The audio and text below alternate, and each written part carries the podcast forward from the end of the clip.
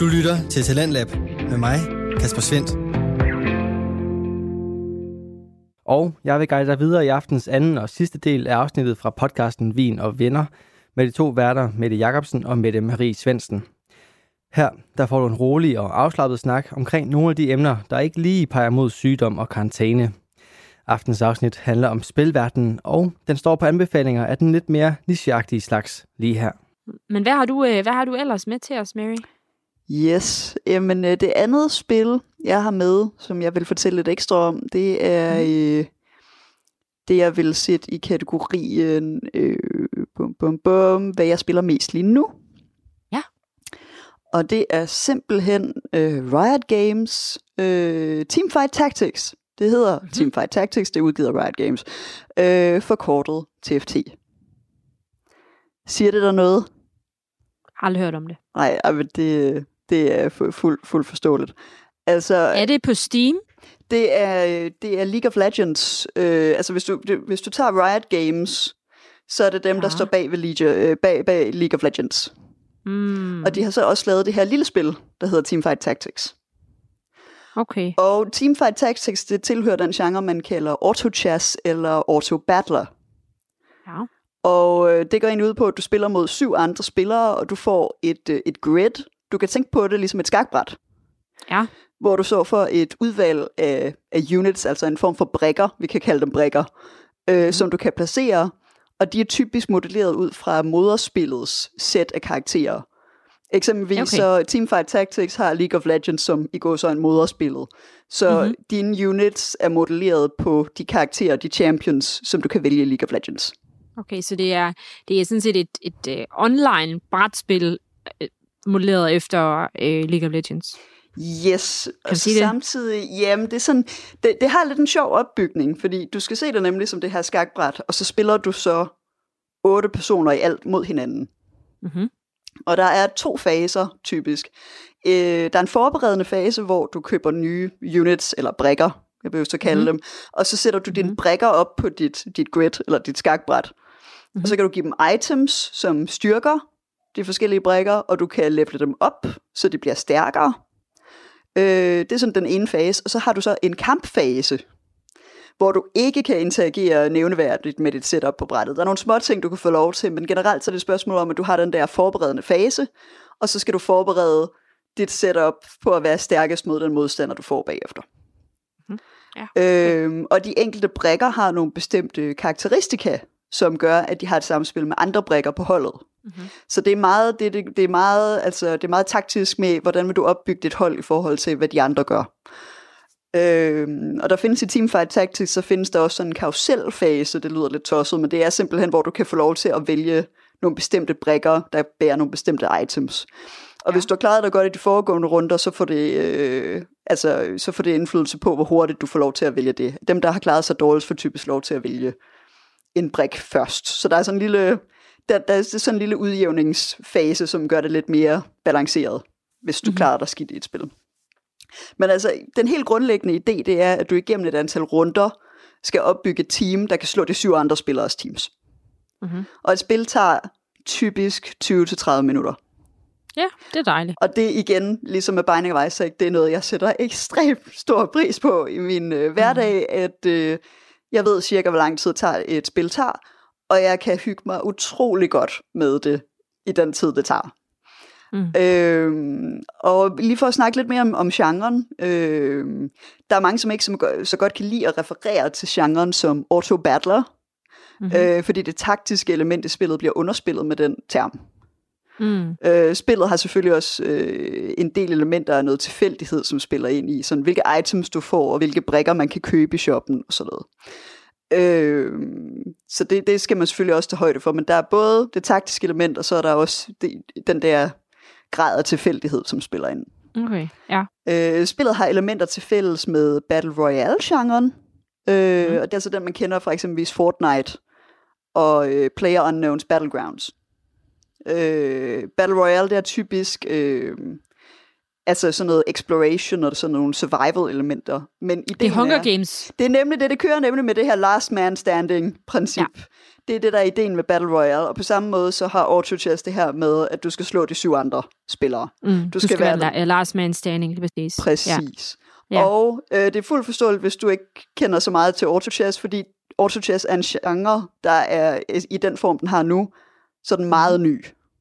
Okay. Altså virkelig, altså det var Dota 2's community, der kickstartede genren. Okay. Øh, Auto chest. Auto chess, ja. altså autoskak. Ah, godt det jeg lige spurgte, fordi jeg troede, det var, jeg troede, det var altså ligesom i kiste. Og det Autokiste, go! Ja, yes. what? Et eller andet loot, som man fik automatisk, eller sådan noget, tænkte jeg. Nå, okay. Mm. Auto chess, nå, selvfølgelig. Ja, ja, ja, ja, ja, ja. Giver mening, giver mening, giver mening. Øh, nej, okay, jeg har aldrig hørt om det. Det er, nok. ja, men det, det, det er fuldt forståeligt, fordi det er nemlig meget, meget nyt. Øh, fordi som, som jeg sagde, så var det Dota, Dota 2's øh, community, der kickstartede det her. Mm. Og i januar 2019, så var der noget, der hed Drodo Studios, som udgav Dota Auto Chess. Og det var altså sådan en community-skabt spil til Dota 2, som blev ekstremt populært, meget hurtigt. Okay. Ja. Og så, lavede, øh, så, så kom der så øh, diverse andre udgaver af det her Auto Chess, altså Auto Chess koncept. Og mm. i juni 2019, så kom Riot Games' bud på et spil i den genre, nemlig Teamfight Tactics. Okay. Øhm, og der findes så sådan varianter af, af det her gameplay. Altså Riot Games har i øjeblikket en udgave af spillet, som hedder Rise of the Elements, hvor ideen er, at dit skakbræt eller dit grid har nogle felter, som får et boost af en eller anden art. Det kan være, at du får mere attack speed, hvis du sætter en, en brik på den, altså den, del af dit øh, skakbræt, eller dit, ja, dit grid. Og det skal man ja. tænke ind i kombinationen, så får man sådan nogle udfordringer undervejs, hvor du ikke ved, Altså det, det der med, at du, du kan ikke bare bruge den samme kombination med det samme setup hver gang, fordi der hele tiden kommer de her små benspænd. Mm-hmm. Okay, ja. Øh, det, det er sådan en ting, som de har i det nuværende. Og så lige om lidt, så kommer der et, øh, en ny udgave, der hedder Galaxies. Teamfight Tactics Galaxies. Øh, og det er noget med, at man kan komme til at besøge forskellige galakser, som får indflydelse på sit gameplay, eller på, på ens gameplay og sådan noget. Så, okay. øh, så ja, altså det, jeg håber ikke, det lyder alt for indviklet, fordi det er faktisk et utroligt øh, enkelt, øh, altså en, en utrolig enkel form for, øh, for spil at gå til. Det er meget nemt at komme i gang med det. Skal man have øhm. spillet, øh, undskyld, skal man have, vil, altså ville det give mest mening, hvis man allerede havde spillet League of Legends? Altså, der er visse dele, som er, er meget sjove, fordi altså de ting, som karaktererne kan, det, det er inspireret af af altså karaktererne, de, de champions, som der er i League of Legends, men jeg synes slet ikke, at, øh, at det er nødvendigt. Okay. Altså, det, det er bare lidt ekstra viden om, at når den, den champion bruger typisk et svær, har forskellige, øh, altså har sådan et ultimate uh, attack, som, uh, som også går igen i auto chess, men det betyder ingenting som sådan for, hvordan du spiller okay. spillet. Så jeg kunne sagtens gå i gang. Altså nu har jeg aldrig spillet League of Legends. Så 0 sekunder har jeg spillet det. Øh, jeg ved bare en lille bitte smule om, hvad det er. Jeg har set nogen spille det. Jeg har set nogle, nogle klip, hvor folk spiller det. Øh, så jeg ved nul om det. Men jeg vil i princippet godt kunne begynde at spille Teamfight Tactics. Yes. Okay. Det, øh, man skal jo selvfølgelig altid, som man, som man gør ved et nyt spil, så skal man lære de forskellige kombinationer at mm. kende, mm. og man skal vide, okay, hvis jeg har to Blade Masters, så fungerer det ret godt, hvis man også har Rangers, eller en, en, altså der, der er nogle ting, hvor det er, at man, man selvfølgelig skal ind i, hvad fungerer godt hvornår, og så kommer der jo hele tiden mm. også patches, og så spillet skal blive mere balanceret. Øh, he, altså, så, så der kommer sådan ret øh, regulært øh, updates til spillet, så det hele tiden gerne skulle blive bedre, og flyde bedre og ja, blive mere rimeligt balanceret, så man kan. Så det er ikke altid er den samme kombination, der, mm. der vinder spillet. På et tidspunkt havde vi en ting med, der, der var en bestemt øh, kombination, øh, som, som simpelthen gjorde, at hvis du havde den, så vandt du bare automatisk. Mm. Øh, og det er jo sådan noget med, hvor de ligesom finpusser det lidt. Fordi det er jo, som, som sagt, et meget nyt koncept. Altså det, det kom ud i et, et, altså det blev en ting i 2019. Altså mm. det, det er lidt vildt at tænke på, at, at det ikke er ældre. Ja, okay. Så det er meget nyt. Det er det virkelig. Det er da mega øhm. fedt, altså at der på en eller anden måde er kommet en form for ny genre. Det er vel en ny genre? Det, det, det er nemlig det. Altså man vil se det som, altså man ser det som en ny genre. Og selvfølgelig mm. har den jo noget til fælles med, med andre genrer, men, men som sådan ses den som en selvstændig genre, der opstod i 2019. Kan man sige, at det er form, en form for love child mellem altså brætspil og øh, RPGs. Eller hvordan? Mm, Altså, der er Eller, ikke rigtig øh, noget story-element. LOL, LOL altså ja. er... Hvad, hvad, hvad, hvordan, hvad, hvad for en genre er League of Legends? Altså, hvad- det er en MOBA. Ja. Multiplayer Online Battle Arena. Ja, okay. Så det er, så det, så det er en love time mellem brætspil og det. Ja, Ja. det, den, den, den er jeg Ja. helt med på. Yes, det synes jeg er en god måde at, at det se er, mig, det det er mig, der ikke er styr helt på genrerne, men det er fordi, jeg tænker, det er fordi, jeg ikke har spillet LOL. Så jeg troede faktisk også, det var lidt over i øhm, World of Warcraft-genren. Nå, Men det er det slet ikke. Ej, det, øh, det, hver, hver enkelt historie ses som, altså, du, du spiller i, igen på en, en plade, altså det er jo sådan noget bad, altså, må gerne grine af det.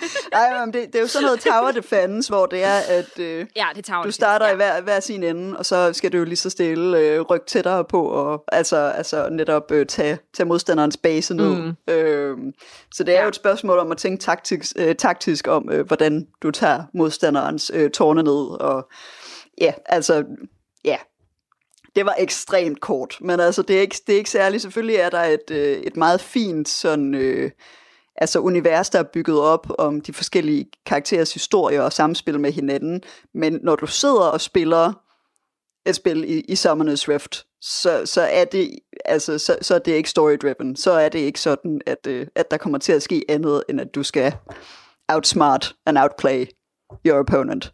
Så, øh, Nej, okay. Okay. Yes, altså, så har jeg lavet en sød lille øh, ting om, hvorfor jeg synes auto-chess er fed. Ja. Er en fed genre. Øh, mm. Altså, det er nemt Fedt. at komme i gang med. Ja. Øh, og så kræver det noget taktisk overblik, for at man bliver god til det. Så det er både ja. det her med, det er helt vildt nemt at komme i gang med det, øh, men hvis du vil være god til det, så skal du også lige give det en, en skalle. Øh, og så kan jeg virkelig godt lide, at du kan hente en kop kaffe, mens dine brækker eller dine units, de, øh, de slås i kampfasen. Mhm. Mm-hmm. Øh, spillet er ikke nødvendigvis tabt, fordi du forlader computeren. Mm. Jeg ved godt, det er fjollet, men efter at have spillet League of Legends, hvor der var intet værre, end at hvis et spil træk ud, og så ramlede det ind i aftensmaden, og så blev ens mad kold, eller et eller andet, det der med, at du blev nødt til at blive siddende på din bagdel, mm. indtil spillet var slut. Du kunne Mm. ikke forlade det i den tid. Og det her, det kan jeg godt lide, at hvis der er et eller andet, hvis der bliver blanket på, så kan du godt lige løbe hen, lige at få åbnet døren, og så kan du gå tilbage igen. Dit spil er ikke nødvendigvis tabt af den grund.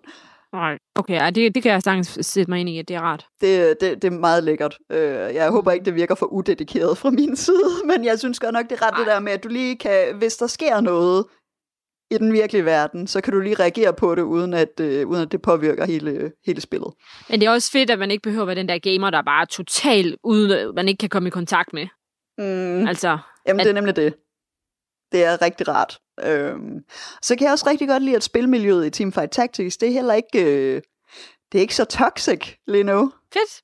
Det kan Det jeg virkelig dejligt. godt lide. Det er ikke sådan en spilform, der, der bringer folks blod i kog, altså som Nej. man ser i League of Legends eller Counter-Strike. Altså, det, øh, på, jeg har, altså selvfølgelig kan folk blive sure, men det er jo ikke sådan, at...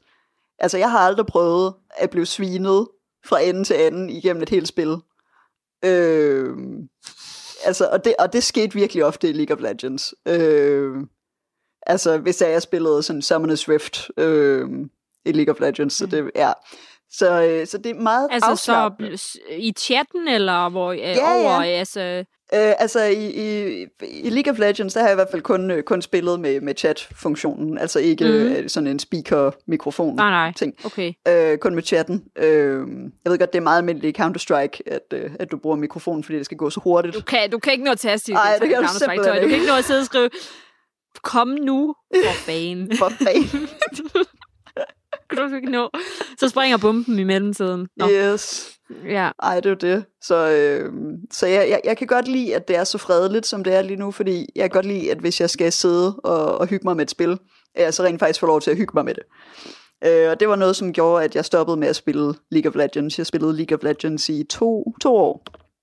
Mm, okay. Øhm, og jeg synes simpelthen, det blev, det blev for ubehageligt. Øh, det der med, hvis jeg ikke kunne samle et øh, femmands team, øh, så skulle man sidde og høre på ens medspillere, som ja, kun, konstant sad og ragede over det ene eller det andet. Og det var egentlig sådan Nogen man, ikke, nogen man ikke kendte, Ja. øh, som, som så...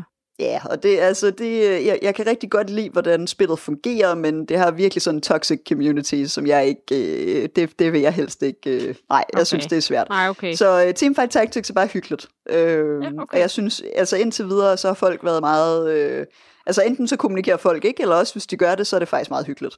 Okay. Øh, så, øh, Er det, altså er man to personer? øh, man er otte. hinanden?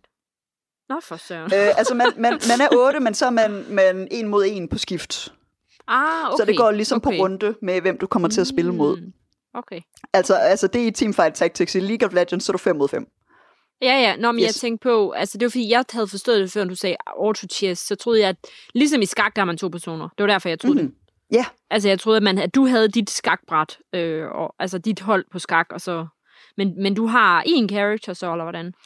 Øh, altså, man kan have op til... Jamen, det passer... i- Det, ja, altså, i princippet ni, men du kan have flere. Okay. Øh, fordi du kan få nogle items, der gør, at der er mere plads på dit hold og så videre. Øh, så ideen er, at de her brikker, som du køber, det er jo så dem, Mhm. mm-hmm. hvor det er, at du kan få op til så og så mange. Og så kan du level Mhm. mm-hmm. dem op og gøre dem stærkere og det ene og det andet. Øh, så ja, men det, det er utrolig hyggeligt, og øh, jeg har en lille, en lille guide til auto chess, Ja. og hvorfor det er en nice genre. Øh, en lille artikel om det, som vi kan lægge op i Ja, forbindelse med afsnittet. Så, så yes, det var lidt det, jeg havde om, øh, om det spil, jeg spiller mest lige for tiden, og det er virkelig, altså, jeg, jeg er virkelig blevet bit af det. Jeg, jeg begyndte at spille det sidste, øh, ja, si, sidste sommer, nærmest lige efter Ja. det, det kom ud. Øh, og Du er first mover på den der, øh, på den genre Jamen, der. det tiltalte mig så ekstremt meget. Altså, det, jeg, er- jeg er ikke rigtig first mover, fordi det, det, var, altså, det var da Riot Games kom ud med sin udgave. Så den der oprindelige Dota 2 øh, community udgave, den har, jeg, den har jeg ikke prøvet. Men jeg synes simpelthen, det er, øh, ja, det, det er bare en utrolig tiltalende form. Øh, spil, altså spiltype. Så, øh, så det, det, jeg er meget spændt på at se, hvad der sker med genren, netop fordi den er så ny. Ja, der er måske alt muligt. Og det må jo også komme til andre spil så. Altså, så må der komme en auto-chess udgave af de spil, tænker jeg. Det er der blandt andet kommet Det- i uh, Hearthstone. Ja. Der er kommet en, øh, en Autochess udgave, og der er rigtig mange øh, af de her store, øh, store spil, som tager sådan en, en, ja, en Autochess udgave til sig og udvikler det. Det er, øh, Det er, der op, sker det er oplagt nu. i hvert fald. Jamen da det er oplagt. det. Så, øh, så det, det dukker op over det hele lige, øh, lige i øjeblikket. Det er meget, det er meget spændende. Så, øh, så det, det, er en, det er en anbefaling herfra. Øh, det, jeg synes, det er sjovt. Øh, det er det. Så, øh, og det fungerer godt til en, til en travl hverdag også. Fedt. Det, det, det, det er spændende input. jo, tak. oh, men det var det, jeg havde. Og øh, Mette, hvad, hvad er det sidste spil, du har taget med? Øh, jeg har taget øh, det spil, der hedder The Long Dark med. Oh, og det er rigtig spændende for mig, for det kender jeg slet ikke. Det kender du slet ikke. Nej. Øh, og, øh, men det er jo perfekt. Øh, det vil jeg rigtig gerne inspirere dig til, måske få lyst til at spille så. Øh, The Long Dark er et spil, øh, hvis man går ind på Steam, så står der, at det kom i 17. Men øh, jeg har altså spillet det siden 14-15 stykker, så jeg har spillet det, mens yeah. det var i, øh, øh, ligesom, hvad hedder sådan noget, early access hedder det sådan på, på Steam, altså hvor man egentlig får lov at spille et spil, før det er færdigt. Og det hænger jo lidt sammen med øh, sådan set crowdfunding, kan man jo godt kalde det. Altså det her, man, man betaler for spillet, før det er færdigt, og så bruger de de penge til at lave det færdigt. Øh, så der har, jeg, der har jeg været en af, af dem, der har været med. Øh, jeg, jeg er ikke sikker på, at jeg har været med siden oktober 13. Det kan jeg faktisk ikke huske. Men jeg har spillet det i mange år. Jeg har spillet det i hvert fald siden 14. For jeg kan huske, jeg spillede det, da jeg boede i Viborg. Det gjorde jeg i 14. Øhm, hvad hedder det? Det er et øh, first-person survival game. Men det, som der er mega fedt ved The Long Dark, det er, at øh, det er også et ret åbent spil, hvor man meget selv kan bestemme, hvad man vil gøre det til. Øh, du bliver kastet ud i at skulle overleve i et nogle ret barske øh, omstændigheder i øh, vildmarken i Kanada. Så du er, øh, du er styret ned med dit fly, øh, og du, øh, du, du bliver øh, faktisk, øh, du ved ikke, hvor du starter hen. Altså, du, den genererer et tilfældigt sted på det her store, kæmpe kort, øh, hvor du så lander og starter øh, og, øh, og så skal du overleve. Og det, som der er mega fedt ved, ved spillet, det er, at øh, du kan selv vælge lidt, du kan selv vælge sværhedsgraden. Det kan man jo ofte. Men det vil sige, hvis du bare har lyst til at have sådan en form for øh, Bear Grylls, eller hvad hedder ham der, Survivor Man, øh, hvis, hvis man har set det. Det er nogle ret fantastiske programmer, hvor han overlever alle mulige steder. Hvis man bare gerne vil have et stille og roligt, øh, casual øh, oplevelse af, kan jeg overleve ude i Kanadas vildmark, så vælger du bare den, øh, den, den nemme øh, sværhedsgrad. Øh, eller også så går du ind i, øh, det jeg foretrækker at gøre, det er at gå ind i, i øh, sandbox mode og lave min egen sværhedsgrad. Fordi jeg synes, at jeg kan godt lide, at det er svært at overleve. Jeg kan godt lide, at det er svært at, med mad og kulde. Men hvis du vælger, øh, den, og, og det er det ikke, hvis du vælger en af de nemme sværhedsgrader, men hvis du vælger de svære sværhedsgrader, så er, øh, hvad hedder det, de vilde dyr øh, farlige. De angriber dig. Der er sådan nogle ulve, der kommer og angriber. Og det er jo en urealistisk ting. Så det kan du så gå ind i, i sandbox og sige, at det skal være meget øh, hårde øh, betingelser, ren øh, sådan med krop og hypothermia og sådan noget. Men ulvene slår du fra. Det kan jeg godt lide at gøre, fordi så er det en realistisk øh, overlevelsessituation i Canada, uden de her ulve. Det er fordi, i spillet er der sådan en... Øh, øh, sådan electrical storm, som gør wildlife crazy, og det er derfor, de angriber. Så det er ligesom forklaring, og det er også derfor, du styrter ned med dit fly. Øh, og i mange, mange år, så var spillet bare det, du bliver dumpet her, og så skal du overleve, og så er de udvidet øh, øh, kortet mere og mere, så der er alle mulige forskellige områder, du kan komme ind i. Øh, men nu er det så færdiglavet, og det udkom så i 17 i dens færdige udgave, og nu er der så også et story mode. Øh, og det har jeg ikke spillet færdigt endnu. Øh, jeg har spillet det første kapitel af det, jeg tror, det er i første kapitel ud af fire. Men det vil jeg sige, det er ikke det, der er ideen med spillet. Fordi story mode er faktisk bare en tutorial. Okay. Ja. Så, så det er ikke det, der er ideen med spillet. Det, du skal gennemføre den der historie, så lærer du, hvordan man overlever. Så lærer du, øh, hvordan du indsamler sne og smelter det, og koger det og drikker det, og hvordan du samler brænde. Så story mode er ikke, det er ikke et historiespil det er sådan set bare tutorialen, de har valgt at gøre mega meget ud af at lave vildt flot og sådan noget. Øh, men, men hele ideen er sådan set bare, at du bliver overladt til dig selv, og du bestemmer helt selv, hvad du gør ude i øh, den, den kanadiske vildmark. Og det er det, jeg synes, der er det fede ved spillet. Det er et mega enkelt spil rent grafisk, men det er noget af det flotteste, jeg nogensinde har spillet. Du, der, altså, jeg, har, jeg får kuldegysninger, jeg har tænkt på en eller anden nat, jeg har klaret mig igennem i det spil, hvor jeg har øh, sovet udendørs i ly af et eller andet træ, og så vågner op, og snestormen har lagt sig, og du ser solopgangen, og du hører dyrene, og det er mega flot lavet, fordi der er, det er meget sådan enkel grafik, så nærmest lidt kantet, nærmest sådan lidt impressionistisk øh, grafik.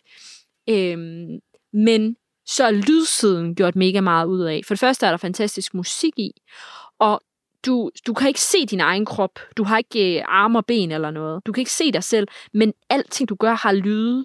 Så du føler, du føler, at du kan høre dit eget åndedræt og sådan noget. Og når du åbner noget, og du, når du åbner din rygsæk, så, så kan du høre lynlåsen. Når du hælder noget over, så er der sådan en høj lyd af, at du hælder noget over i. Du drikker noget vand eller sådan noget. Så alting er baseret på lyde. Du er inde et sted for at finde, du, du er gået ind i en eller anden hytte, du har fundet, for at, at, at finde nogle, nogle, noget mad eller eller andet, så alting har, har meget kraftige lyde. Når du ligger i din seng, og alt er mørkt, du kan ikke se noget, så kan du høre stormen rase, og du kan høre, eh, hvordan det river i det hus, du er i og sådan noget. Så det er mega fantastisk lydside, øh, som faktisk lydsiden er det, der skaber stemningen i spillet. Øh, og hver dag er anderledes. Du er meget, øh, du er meget øh, afhængig af vejret. Øh, og, og den her chill-faktor, der er, hvis det stormer, så er du nødt til at blive øh, i, i læ, så kan du ikke gå ud og udforske, som du gerne vil. Det er virkelig et spil, jeg anbefaler, fordi det har sin helt egen specielle stemning. Og hvis du vælger den rette sværhedsgrad, så føles det helt fantastisk, når det lykkes for dig at overleve. Så du er bare i det her snikklædte kanadiske landskab. Du har ikke noget kort. Øh, du har stort set ingen øh, supplies. Og så er det om at samle kviste. Der er nedfaldende kviste. Øh, så er det om at finde nogle hytter, du kan bryde ind i. Alting er efterladt. Du er den eneste, det eneste menneske, der er derude. Find en hytte, du kan bryde ind i, og hvad er der derinde? Så kan du overnatte der. Så, du, så løber du tør for mad, så er du nødt til at gå hen til næste hytte. Så kan du hamre hul i isen og, og hvad hedder det, øh, fiske lidt, hvis du finder noget, du kan fiske med, og du kan prøve at jage. Altså, jeg har, jeg har overlevet ved at kaste sten efter kaniner så jeg, indtil, jeg, indtil jeg ramte en i hovedet, og den så lige lå og var forvirret i 10 sekunder, så jeg kunne nå at rende hen og lige knække halsen på den. Uh. Øh, jeg har jagtet øh, storvildt med bue og pil, jeg selv har bygget i det spil, og indtil man finder en, kan være heldig at finde en riffel på et tidspunkt, og altså mega, mega flotte både øh, udendørsområder og indendørsområder. Man kan finde nogle store steder, altså man kan finde sådan et stort vandværk, øh, og man kan finde, altså det er fantastisk at og, hvad hedder det, gå på opdagelse i det, og så lige pludselig bliver du fanget i en snestorm, så du, ingen, du kan se to meter frem, og, og du, kan, du kan gå i ring, og du kan ikke finde læg for natten, og du er bare totalt screwed, og så dør du. Altså, du, du skal virkelig tænke, du skal virkelig tænke dig om, øh, og du ved, du går op ad en bakke, og du tænker, ej, den fortsætter, fortsætter, fortsætter, fortsætter, og så kommer du op, og så er der en hytte, og det er bare det mest fantastiske, så kan du komme derind. Og den spiller sådan en lille melodi, når du finder noget nyt i spillet, og var det bare sådan, åh, det er helt magisk. Ja, det er et mega fedt spil, og det er lidt anderledes end andre spil, fordi at det er meget... Øh, øh, der er en helt speciel stemning i det, hvor du, det er meget stille spil det er lydene af vinden, der blæser og sådan noget. Så hvis du gerne vil spille noget, som er sådan næsten sådan lidt mindfulness-agtigt, uden, uden at det skal sådan, øh, hvad hedder sådan noget, blive højrøvet eller noget, men altså det er sådan lidt, øh, hvis du gerne vil noget lidt stille i et spil, hvor det, hvor, det, hvor det kan gå lige så langsomt, som du gerne vil have det, øh, så, så vil jeg helt klart anbefale det, hvis du altså slår ulvene fra. Hvis du har ulvene sat til, så er det stressende spil. så, så, øh, så er det ret stressende, fordi så kommer du ud af din hytte, og så står der en ulv, og så er det, ind, så er det med at løbe eller ind i hytten igen. Eller, og hvis du så har fanget, hvis det endelig er lykkedes dig, du er ved at dø af sult, øh, hvis det så endelig er lykkedes dig at nedlægge en hjort eller en kanin, så du går med det kød på dig, det er farligt. Åh oh, nej. Ja, så, øh, så er det om at have nogle, øh, noget øh, til en fakkel, du kan kaste efter de der ulve eller et eller andet. Så jeg har virkelig spillet det spil meget, altså, og du kan tage det fra alle mulige forskellige vinkler. Du kan starte forskellige steder på kortet, og de forskellige områder har nogle, nogle forskellige plusser og minuser ved sig. Øh, og du kan vælge at være mand og kvinde i det, så der er en, ligesom en stemme, der snakker, og så, så begynder de at sige, oh, I'm so cold, I'm so cold, og sådan noget. Oh. Så, så du, kan, du kan vælge, om du vil være mand eller kvinde, du, du kan lidt sådan lidt forestille dig, at det er dig selv, hvordan, hvad vil jeg gøre, hvis jeg var i den her situation? Øh, så kan du øh, samle, der er så mange detaljer i det, altså, så kan du for eksempel samle, når du har haft et bål, så kan du beholde det der kul, og så hvis du finder noget papir, så kan du begynde at tegne et kort over området. Så kan du, når du er et sted, markere det på dit kort og sådan noget. Så kan du finde tilbage til, men det er vildt svært spil at finde vej i. Altså der med, træerne ligner hinanden, og sådan, jamen jeg troede lige, det var rundt her, her har jeg været før, og oh, nej, nu er jeg der ikke igen. Så du far vildt fuldstændig på samme måde, som du ville gøre i, øhm, i, i virkeligheden, hvis du var derude i vildmarken. Øh, og så er der ligesom nogle ting, nogle prejlemærker, der går nogle, der går nogle, øh, hvad hedder sådan nogle, altså nogle, en jernbane igennem øh, noget af landskabet, og så kan du følge det her sådan noget. Men så starter snestormen, så kan du altså intet se stadigvæk, så det er, det er et fantastisk, fantastisk spil. Øh, som man kan bruge mange, mange, mange timer på, hvis man gerne vil udforske det hele. Og der er sådan nogle achievements med, at man skal overleve 500 dage og sådan noget. Øh, Øh, og også nogle achievements med, at du skal overleve, hvor, øh, hvor du ikke spiser noget øh, mad, som du, altså du, du spiser ikke noget mad, som er færdig. Altså du, finder, du spiser ikke nogen af de her dosser eller chips, du finder. Du må kun spise mad, du selv har fanget og sådan noget. Og der er virkelig mange ting, man kan gå op i. Altså i det, du, du, du skal også sørge for, at du har det rigtige tøj på. Det tøj, du finder, skal du sammenligne med det tøj, du allerede har. Er det bedre? Er det varmere? Har det bedre chill-faktor? Så kan du opgradere dit tøj. Hvis du nedlægger en hjort, så kan du øh, garve skinnet, og du kan begynde selv at lave dit eget tøj ud af de dyr, du har nedlagt. Og, amen, det, der er mega, mega mange detaljer i det. Og meget speciel grafik. Altså helt speciel, uh, unik grafik, der er i det, hvor det er sådan uh, nærmest sådan lidt vandfarve-inspireret, eller sådan lidt... Sådan Ej, med, med, med, lidt akvarelagtigt. Uh, ja, nærmest lavet, det er sådan med vilje lavet hakket, altså med vilje lavet sådan, uh, nærmest lidt med vilje dårlig grafik, hvis det giver mening. Altså sådan mere, uh, og det skulle man ikke rigtig tro, tro passer ind i sådan et overlevelsesspil, så hvor det skal se ægte ud, men det er som, det bliver endnu flottere af det mm-hmm. øh, når man er ude i naturen. Øh, så ja, bare en, øh, en, en, en, stor, en stor anbefaling her, her fra Ej, mig. Det lyder, det lyder så fedt. Radio 4 taler med Danmark. Og det var aftens afsnit fra podcasten Vin og Venner med de to værter, Mette Jacobsen og Mette Marie Svensen. Det næste, jeg kan præsentere for dig her til aften, det er et afsnit fra podcasten De Skaldede Nyheder, her der er det makkerparet Flemming Lauritsen og Michael Starholm, som drager ud i det danske land og oplever lidt af hvert. I aftens afsnit, der står den på rockhistorie og rendyrket fascination, når de to venner de tager på Rockmuseet Ravnerok i Roskilde. Og det afsnit og den tur, den kan du få lige her.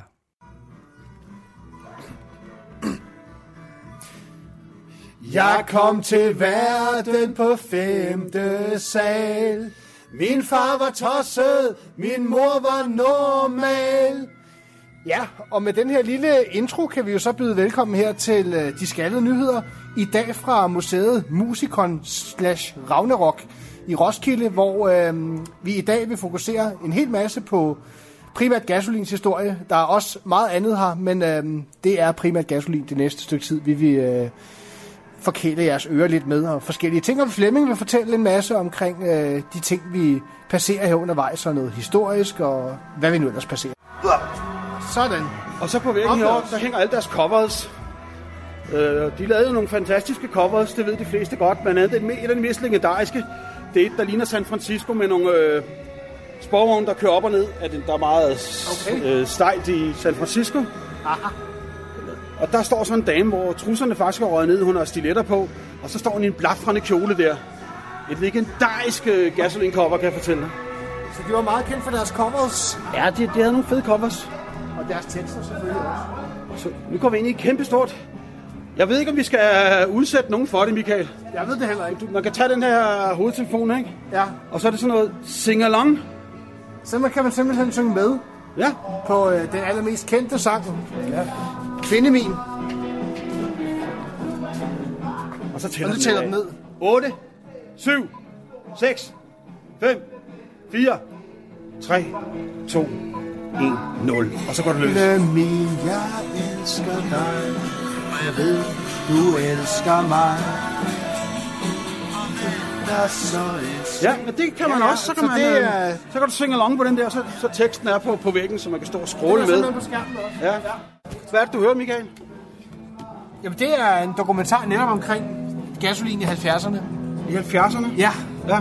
hvor øh, teksterne som regel skulle være politiske, og Men det ville gasserne ikke rigtig, vel? Det ville gasserne ikke rigtig være med til, vel? Det var Kim Larsen og, øhm, og, og, og, og Beckerle, ikke? De, ja, Her, der står der, det var Inka og Katinka, smukke Charlie, Ja. På sin Harley. og her kan du simpelthen høre hele hittet, hvis du vil det. Ja, og man får også historier om en af deres producer. Det gør man nemlig. De henter simpelthen en engelsk producer, Yes. han hed, Det var noget med Thomas Baker. Ja. Han hed Thomas Baker. som simpelthen kunne... Han havde blandt andet for eksempel lavet videoen til Bohemian Rhapsody. Yes, Queens nummer. Ja. Og han røg på der og hjalp Gasoline på nogle LP'er. sådan Det gjorde han nemlig. Tænk engang, at Gasoline har, har, har arbejdet sammen med en, som har lavet Bohemian Ja, det- Rhapsody det på, vildt på video, nok. altså. Det er vildt nok. Det er en af de mest legendariske numre og mest legendariske videoer, der er lavet. Ja, det er det godt nok. Men der er jo meget, man, man kan høre herinde, ikke? Så er der det Ja, her. det er der.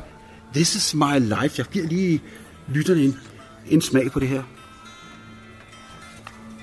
Just show me the lights, and I go there. Ja, en klassiker, ikke? Ja, ja, jo, jo. Med den gode gamle Lim Carsten, ikke? Det må man da sige. Men øh, Michael, der har du en, måske en lille historie, du kan fortælle om det der med Kim Larsen. Ja, Øh, hvor øh, du var faktisk med i optoget til Det Kim var Larsens minde. Det er Hvordan var rigtigt. det at gå i... Øh, et, var der mange mennesker derude på Christianshavn? der var sindssygt mange mennesker. Øh, det var sådan, at øh, vi gik jo med derude, så godt vi nu kunne for alle de andre mennesker, der også havde besluttet sig for selvfølgelig at skulle ind og, og hylde ham efter hans, hans død der. Så det var en stor fornøjelse og en, en oplevelse at, at der gå var rundt mange- derinde. der var saftsuseme mange mennesker. Vi kunne næsten ikke komme frem og tilbage. Det, var Altså, virkelig... det, det tog jo timer Ja. for, for, for, for den der demonstration. Hvad kalder Ja. man det? Demoen kan vi godt kalde det, så den skulle passere. Mindeoptog. Knippesbro, mand. Ja, ja, det var vildt. Eller, det var Langebro. Ja, ja lige præcis. Vi gik over, tilfældigvis gik vi over Langebro. Det var meget smukt. Det er rigtigt. Kan du huske, det var en smuk aften, Michael? Det var det, og vejret var ganske og der var en også. god stemning også. Det var der, Folk, virkelig. Og vi faldt i snak med nogle mennesker også, kan jeg huske, sådan passeret Det var, det var, som, det Det var det. Var meget interessant. Det var det, helt sikkert. Men det var sjældent egentlig, at, at vi blev uvenner. Sådan, det var Ville Jønsson, der sagde, det var sjældent egentlig, at vi blev uvenner. Ja, Ham har jeg godt nok set mange gange ude på øh, Christianshavn. Ville. Har du det? Ja, det har jeg altså. Når han var også solo derude nogle gange, eller? Jamen, jeg, jeg tror også, han bor derude. Jeg skal ikke Nå, være helt han sikker. Men der bor en del af altså Christianshavn er et ret populært sted at bo nu, ikke? Jo. Vi går videre herhen, hvor der står, It's all the same to an American Dane. Okay. Og øhm, det er fordi, der står her, der går en highway fra Christianshavn til New York. Gasolin befinder sig ud på en rejse. undskyld, gasolin begiver sig ud på en rejse. Tanker, op med drømme og masser af succes. Det er let at være ameridianer på Christianshavn og omegn. Men i Guds eget land bliver gasserne aldrig slået til ridder af rock and roll. Nej. Nej. Det gjorde de ikke, de slog Så de, øh, de slog hul til udlandet, igennem til udlandet i stedet for. Ja, de prøvede gasolin. prøvede at få- Nej, det, det blev jo aldrig rigtigt til det helt. Ja. Altså, den amerikanske drøm, der står noget om den her, hvis vi lige skal tage den nu, når du nævner det. Ja. Den amerikanske drøm. Beskeden fra gasolin til CBS er klar. Lav en turné til os i USA, mand. Koste hvad det vil, ellers er det slut med gasolin. Gasserne betaler selv halvdelen. Gaskaravanen og alt deres grej kommer på et fly. Det eneste, der mangler, er opbakning fra CBS. Ikke så godt, det er pladselskabet, der mangler opbakning CBS, fra. Ja, så mangler der saftsus for opbakning fra selve pladselskabet. Ikke godt. Ja, lad os da bare gå videre. Der er saftsus mange. Der er masser. Altså, hvis man er gasolin-fan, eller skråstreg Kim Larsen-fan, ikke? Jo. så må man jo op sige, så er det her stedet, ikke? Og det er det. Lad os kigge, hvad der mere er gode ting at sige her. Så er der her også Se Venedig at dø. Og det er jo den, altså, den kender vi jo alle sammen. Det var Lone Kellermann. Det var det. Se Venedig at dø. Men det var Lone Kellermann, der, der sang den. Men Ja. Det var faktisk Kim Larsen, der skrev den. Ja, og det var gasolin til Sankor. Ja, man kan høre dem i baggrunden. Ja, ja, det kan man. Men øh, der er igen her, lyt til fortælling bag Se Venedig at dø. Den var to minutter, vi hører selvfølgelig ikke det hele. Nej, nej. Og lyt med, når Gasolin synger Se Venedig at dø. Og det er jo faktisk fordi, det kan, så kan jeg godt fortælle lige nu her, mens det er, at øh, jeg mener, at øh, Kim Larsen indspiller den over telefonen, og så sidder der nogen og hører den anden ende og tænker, den er, den er altså fed. Øhm, det blev et stort hit til Venedig at dø. Så, så øhm, men vi ved jo godt nu, at den blev et kæmpe, kæmpe, kæmpe hit, ikke? Åh, oh, det gjorde den. Det gjorde den. Ja, nu går vi herhen igen, hvor Gasolins album står der noget om her. Gasolin arbejdede på højtryk og udgav ni danske og engelske albums i løbet af de ni år, de eksisterede. Det er så De et album starter, om året, siger de starter med Gasolin 1, ikke? Ja, ja. Med blandt andet fra 71, med blandt andet Hey Christoffer og Lili Lili var på, hvis man kender dem. Så kommer toeren i 72 på en sommerdag. Ja, ikke? På en sommer- ja, ja. ja. Se din by fra tårnets top og Fifi Donger og Nana og balladen og Provoknud. og Provoknud, det skal lige siges, det var en, en gut, der gik rundt på Thy-festivalen helt nøgen. Og snakkede om agenter og profeter og skidt og lort. Han var sådan, der var åbenbart noget oppe, i- der ikke var helt i synk op i syngehuset. Ja, det må det jo have været. Så han var bindegal. Ja. Øhm, og til sidst begår han selvmord. Hold da op. Provoknud. Han når så at stikke et andet menneske ned med en kniv. Nej, gud. Det, det stik helt af for Provoknud. Og det er ham, ga, Gasolin, synger om faktisk på, på toren. Så er der Gasolin 3, og så kommer der altså en del øhm, store hits, ikke? Smukke Linda, Raballer. Jo, jo, jo. Ikke? Raballerstræde. Ja. ja. Så kommer i 74 en på engelsk, Alla Tingala og Ding Dong. Mm-hmm. Kap farvel til Umanaswak, for eksempel. Umanaswak. Ja. Og Stakkels Hjem. Åh oh, ja. Så har vi The Last Gym, og der er også en, der hedder, altså Stakkels Gym, ikke? Ja, ja. Vi kører videre. 76, Gasoline Live, sådan. Med live, så kan man godt regne ud, hvad det er for nogle numre. Ikke? Raballer, Jo, jo, jo, stræde, det er og refrænet er frit, og hele baduljen, ikke? gode kendte. Gasolin 5, som vi kom i 75, undskyld, live, den kom i 76, men Gasolin 5 hernede, der er rabalderstræde på, Lonesome Avenue, ikke? Jo. Og Kvindemin ikke mindst, og så et af mine yndlingsnummer med Gasolin. Ja. som ikke er særlig kendt, der hedder Sankt Emetri. Jeg anbefaler, gå ind og hør nummeret Sankt Emetri. Det kender jeg så heller Gør du ikke? Nej, det gør jeg ikke. Åh, Sankt Dimitri, se mig din hemmelighed. Nej, der er mange, der ikke kender den. Jeg skal nok lade med at synge mere. Ja. 76 kommer der efter endnu en dag, og så kører vi det ud af. Og her er der hovedtelefoner. Ja. Og så laver de 78 på engelsk også. Killing Time. Killing time. Ja. Med Girl You Got Me Lonely på. Det er et ret godt nummer også. Girl You Got Me Lonely. Så de har godt nok sat deres stempel på på den danske, musik- på den danske musik, ja, ja. det må man sige. Det er jo det er saft så svært at komme udenom, ikke? Og det er det. Og herover, jeg ved ikke, om vi gjorde det før, om vi fik lyttet til Langebro herovre. Nej, det gjorde Nej, vi det ikke. gjorde vi faktisk ikke. Nej, nej, men der står her, hvis du tager den her lille hovedtelefon, så står der her. Det er vrimlet med freaks og fattige røve på Christianshavn. Et par værelser med rådne vinduer, udsigt til rotter og gårdens tilfrosne lokummer fås billigt. Klunsede møbler og musik fylder de tomme huse. Helt lovligt er det ikke. Sammenholdet er lige så stærkt som spritten. Havnens, havnens skæbner og steder forlader aldrig gasolin. Og her er noget om blandt andet Sofiegården. Ligesom spritterne og de hjemløse. Og det, så kan man så stå og se på en skærm her, her ser vi billeder fra Christianshavn i 70'erne med Frelserkirken, Eiffelbar og alle de der legendariske steder, der er. Sofiegården ser vi nu her også, som jo blev ryddet på brutal vis, og der findes faktisk mennesker nu, der var der, som faktisk fik PTSD af den måde, myndighederne ryddede Sofiegården på dengang.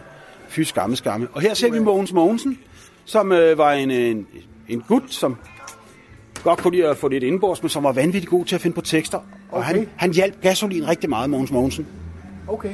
Ja. Det, så han var, han var med på en del af deres albums i form til Jamen, han skrev eller tekster, ja. Ja. Jeg tror blandt andet, det er ham, der har skrevet noget med den der lange bro. Jeg er ikke helt sikker. Nej. Men øh, nu forlader vi Safthus med gasolin, og så går vi op ad en trappe her. Ja. Det var meget øh, hyggeligt museum, ikke Michael? Jo, det må man da sige. Ragnarok. Og vi har jo vi har været her et par gange før. Ja, det er faktisk. Men det gør det ikke mindre Nej, hyggeligt. det kan godt anbefales. at Det kan det herned. virkelig. Det er, Og selvom vi har været her en del gange, så er det jo heller ikke alt, vi har oplevet, og oplevet herude. Absolut ikke. men det er jo blandt andet, fordi meget af det, der er her, det, det foregår jo med at tage hovedtelefoner på. Det så gør skal du det. stå og fordybe dig og lytte lidt, ikke? Ja, præcis. Ligesom man kan herover, hvor at, øhm, der er sådan et øh, arrangement med, jeg ved ikke om det er 10 hovedtelefoner, der ligger der er jo et kabel, der går ned til for eksempel. For eksempel her. Så kan vi høre Johnny Reimer snakke hjem lidt her. Ja. Johnny Reimer, som jo er The Clifters og har også ham med smølferne og alt muligt i Danmark. Ja, ja, det er rigtigt. Og så er der jo en hel væg heroppe, hvor du der. sådan kronologisk kan gå igennem. Der er masser af hovedtelefoner, der hænger, og så er der kronologisk, kan du gå igennem og høre alt muligt. Checklisten for år 2010 for eksempel, ikke? Jo, jo. Og det kan man høre lidt af her også. individualiseret, så søger vi stadig fællesskabet omkring musikken. I disse år boomer antallet af festivaler i Danmark. Ja, Det lyder som en Linnet lige sådan i baggrunden. Det lyder lidt som Anne Linnet, men jeg er ikke helt sikker på, at det var hende faktisk. Men sådan foregår det så også. Så kan du gå hen og høre, der er retromusik, der er, man kan høre noget punk, man kan høre dansk electronica, grunge, mainstream rap, techno. Altså, hej. Så der er alle mulige gode muligheder for at høre. Vi kan også, øh, skal vi tage en tilfældig ned, Michael, lige om lidt? Så tager vi en eller anden her. Hvor var den hen? Vi vender lige om her. Hvis man kan høre nogle eksterne lyde, så er det fordi, der faktisk er et, mange lyde hernede, ikke også? Det er der. Der er rigtig mange lyde. Ja. Det er helt vildt. Når nu vi står her, så kan vi jo for eksempel høre... Øhm, jeg kigger lige rundt omkring. Der er noget... Her, vi kan tage lige nu. Hvad kan vi høre? Ja, vi kan høre, hvad hedder det? Vi tager noget dansk punk her. Og det er med Before, som øh, havde en forsanger, der blev kaldt for Fritz Fatal. Fedt, frit fatal. Fritz Fatal. Nej, det er så ikke ham. Ved du hvad? Det var ikke Fritz Fatal. Det var en anden en. Prøv at høre her. ah, der, er- det må man sige. Det er, Det er vist John Mogensen. Johnson. ja, Nå, men ved du hvad? det var vist Her, Mogensen. her der kan man bare gå hen og høre top 20 fra 1973. Du kan høre top 20 fra... Jamen altså... Så for nostalgikere, så er der noget at gå i gang Du med kan her. få Du. flere timer til at gå, hvis du vil. Ja, altså her 1968, der er for eksempel ikke, der er nummer 1 på hitlisten engang. Ja. Bjørn Tidemand med Lille Sommerfugl. Oha, oha. Ja. Så for eksempel er nummer... For det er nummer et. Nå, Ja, nummer 7, det er Jumping Jack, Jack Flash med, med Stones og sådan nogle ting. Det kender, det kender jeg Ej, ikke. så er der nogen her, der hedder Five Tonys. De ligger nummer 15 med Gør de tykke sokker klar. Det har jeg aldrig hørt om. Den må vi hjem og tjekke ud, Michael. Ja, Ja, Gør det er de vi- tykke sokker klar. Ja, det er vi simpelthen nødt til. Det må være en god ja. sang. Ja, det, det tror jeg. Vi kan også høre, at de greven fra Lu- Luxembourg med Dorte Kollo. Ja, de er. Ja, ja. Så er der top 20 her fra 1964. Fra 64, Ja. der er min mor født. Og der er Beatles nummer 1 med I Saw Her Standing There. Ja, ja, ja, ja. Beatles var jo store dengang. Ja, ja, ja, ja. Det, var, Nok. det er de jo stadigvæk. Ja, ja, ja. ja. Og nummer 6, det er Elvis med Viva Las Vegas. Ja. Oh, ja. og så herover der kan man så månedens melodier fra 1942, du. 1942. Ja. Hold da helt op. og det er det er Kai Evans og orkester, mine damer her. Banjoen og tubaen er skiftet ud med guitar og kontrabas. Swing bliver hot blandt de unge og etablerer sig som festlig underholdningsmusik. Ja, Sving bliver hot ja. i Ja. 40'erne. Yes. Det er meget sjovt. Og, og der, der kan vi jo godt lige nævne, Michael, at i 40'erne, der havde Danmark jo en, en, en, en faktisk en, en, en jazzmusiker, der... Altså, hvis det ikke havde været på grund af krigen, så har han måske sprunget ud og, og slået igennem på international plan. Kan Ja. fortælle mig, hvem det er? Øh, var det Louis Armstrong, du tænkte? Nej, han er jo amerikaner. Han det er dansker. Nå, den danske, undskyld. Han begynder også at melde ham her. Leo Mathisen. Leo Mathisen. Leo the Take Lion. it easy, boy, boy. Smoke a cigar. your home and smoke a cigar. Åh oh, ja, Take it easy, boy, Leo boy. Mathisen, ja. Let the others do the hard work for you. Da, da, di, da, di, da, da. Han var faktisk, det vil jeg anbefale, hvis man... Ja. Ikke det helt store jazzhoved, men, men har, Leo Mathisen, han er jo enestående. Ja, ja, for Han har et eller andet Åh, det kan jeg sejt godt over sig, ikke? Ja. Lad os rulle videre, hvor vi glider lidt væk fra... Man kommer så herind. Det er så måske lidt svært at illustrere på, på podcast her, men herinde, det er nærmest som et rumcenter, ja. hvor man kan stå og styre lyde og laser, laserlys. Du kan stå og danse til en masse musik, ja. Man kan jo måske Og høre det, fornemme Ja, ja, ja. Kan man fornemme de underlige lyde, der er herinde? Det kan man. Ja. Der er lyd alle vegne her. Og herinde, skal vi gå ind. Jeg går lige derind selv. Jeg kan næsten være to mand herinde. Og her, der er jeg faktisk gået ind i sådan et lille spejlrum, hvor jeg kan se mit hoved fra alle mulige ledere kanter herinde i det der lille spejlkabinet med de her sjove lyde. Og, og det skulle efter sine være ligesom at ha- have en psykedelisk oplevelse, hvor jeg hen og kigge rundt.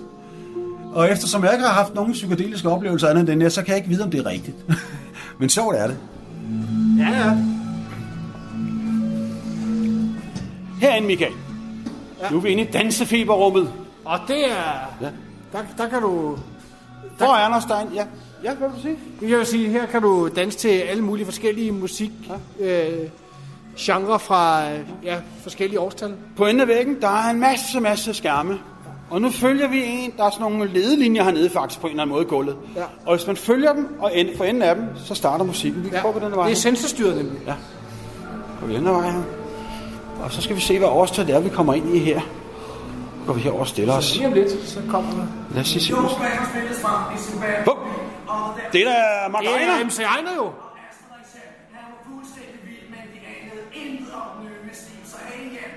Så det, man kan herinde, mine damer og herrer, det er, at vi står og kigger på os selv på en skærm. Så er det ligesom, når man laver danse på en, øh, Ja. en Playstation, så kan du se, at der er en figur deroppe, du skal bevæge dig samtidig. Ah. Bevæge dig på samme måde som figuren, der Simpelthen. danser derop. Ja, ja. Så nu skal vi prøve at danse hip-hop. Det er svært for en gammel mand på 57. Hvad med dig? Ah. 32-årig ung mand. Kan du ikke danse noget hip-hop? Ja, det ved jeg sgu. Jeg ved ikke rigtig, hvordan man gør. Det må jeg indrømme. Det er, det er ikke det, jeg har gjort mest i. Nå, okay. Jeg er ikke så meget hiphop-typen. Det er du ikke. Nej. Ja, det var så...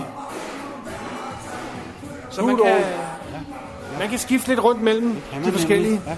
hvis man vil det. Så står der her. Med musik ryster de unge samfundets fundament. De vil høres, de hæver stemmen, rejser sig op, tager afstand. De vil nå ud, vil ændre og være. Det er et opgør med janteloven. Med alle landets love, både skrevne og uskrevne. Med autoriteterne, med de gamle måder. Og det er for evigt. Lyden af skælv står der bare her. Og så er der nogle, uh. nogle hovedtelefoner her, man kan tage på. Og det hører vi lige kort, hvad det handler om. Det handler om ungdomsoprør, blandt andet. Det er så på engelsk. Det er på engelsk, ja. Ja.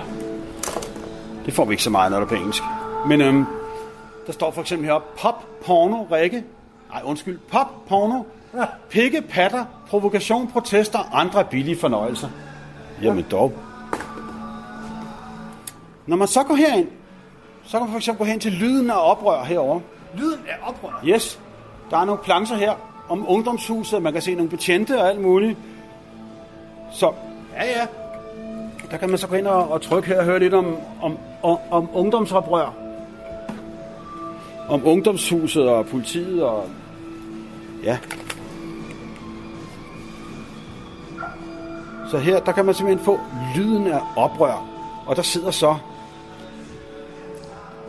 en gut her og fortæller om hans tid som, som gammel punker her.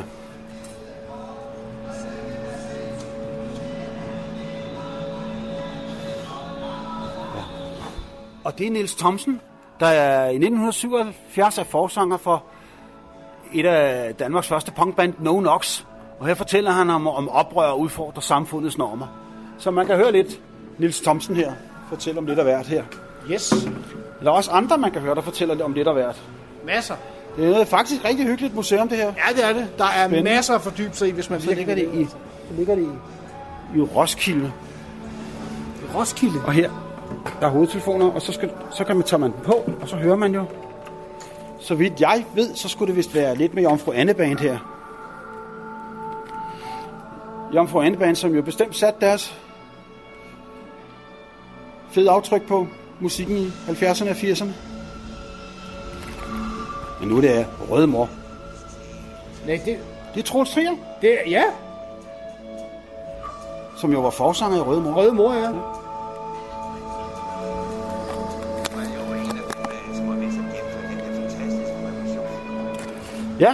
det var Røde Mor. Ja. Og de lavede jo også, de fik jo lavet, du ved godt, de lavede et kæmpe hit i hvert fald, ikke? Jo, jo, Den der, jo, du jo, ved, jo. øhm, jeg er på rekreation, og jeg vil ikke bytte for en million. Det er så skønt at være på landet, det er så dejligt at være ved vandet. Ej. Og så driver vi ned igen her i gasolinerummet igen. Yes. Det er det, vi gør. Nej, vi skal faktisk vende rundt. Det, undskyld, Nå, gør vi da bare det. det gør vi da. Så. No problemers. Men så, altså, så lyde herinde hele tiden, det er lidt Der mærkeligt, er ikke? masser af auditive oplevelser. Det er Der var også vildt. det, vi skal lige have den her med her over i Montreal, ikke? Ja, ja, ja. Der er i den, altså det, i dengang i 70'erne, der kunne du stemme på bøsselisten. Stem på liste N. Ej, Befri din seksualitet. Bøsselisten. ej, for søren. Og så er der heroppe en legendarisk LP, som vi lige skal nævne. Ja. Som LP'en, der hedder Bøsse af Bent Jacobsen. Bent Jacobsen. Ja, Og den, den hedder Køn- bare Bøsse. ja kønsballade, grænser afsøges. Hvad er mænd? Hvad er kvinder? Fastlåste forestillinger udfordres.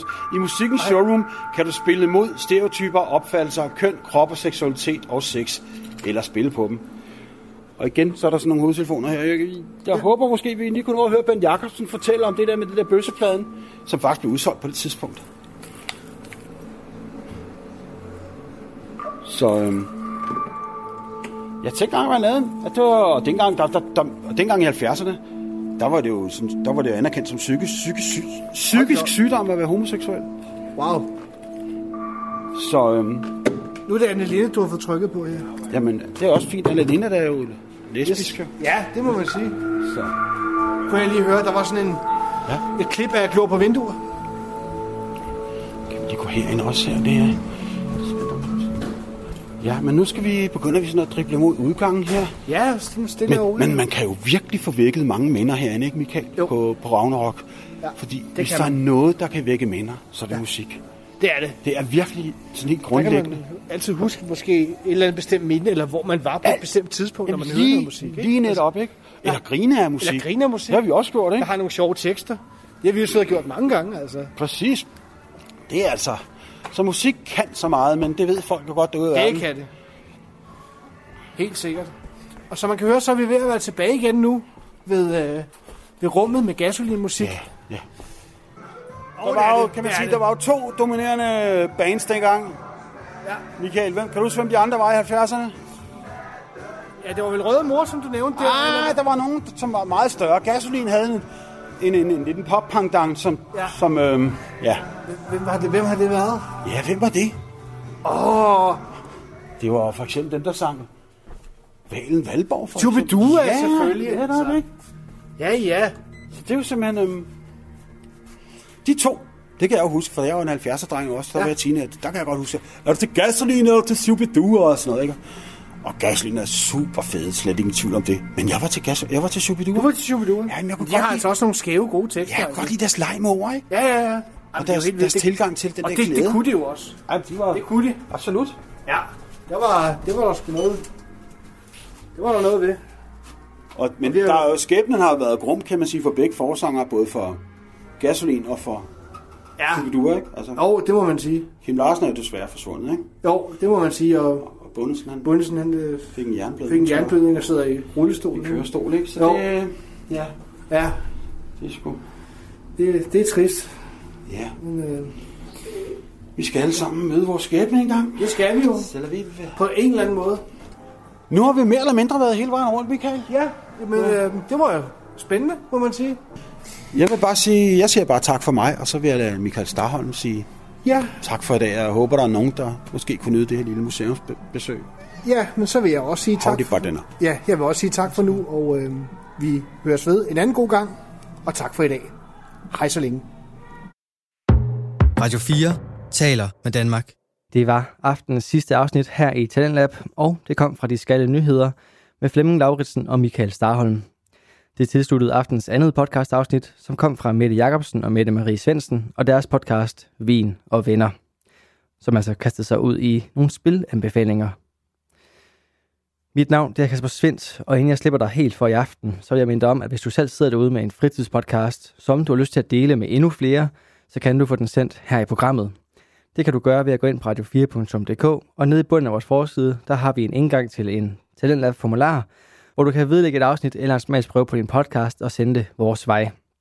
Der er ingen begrænsninger for, hvad din podcast den kan eller skal handle om, for her i Talentlab, der tror vi på, at det, du har at fortælle, det vil vi gerne dele.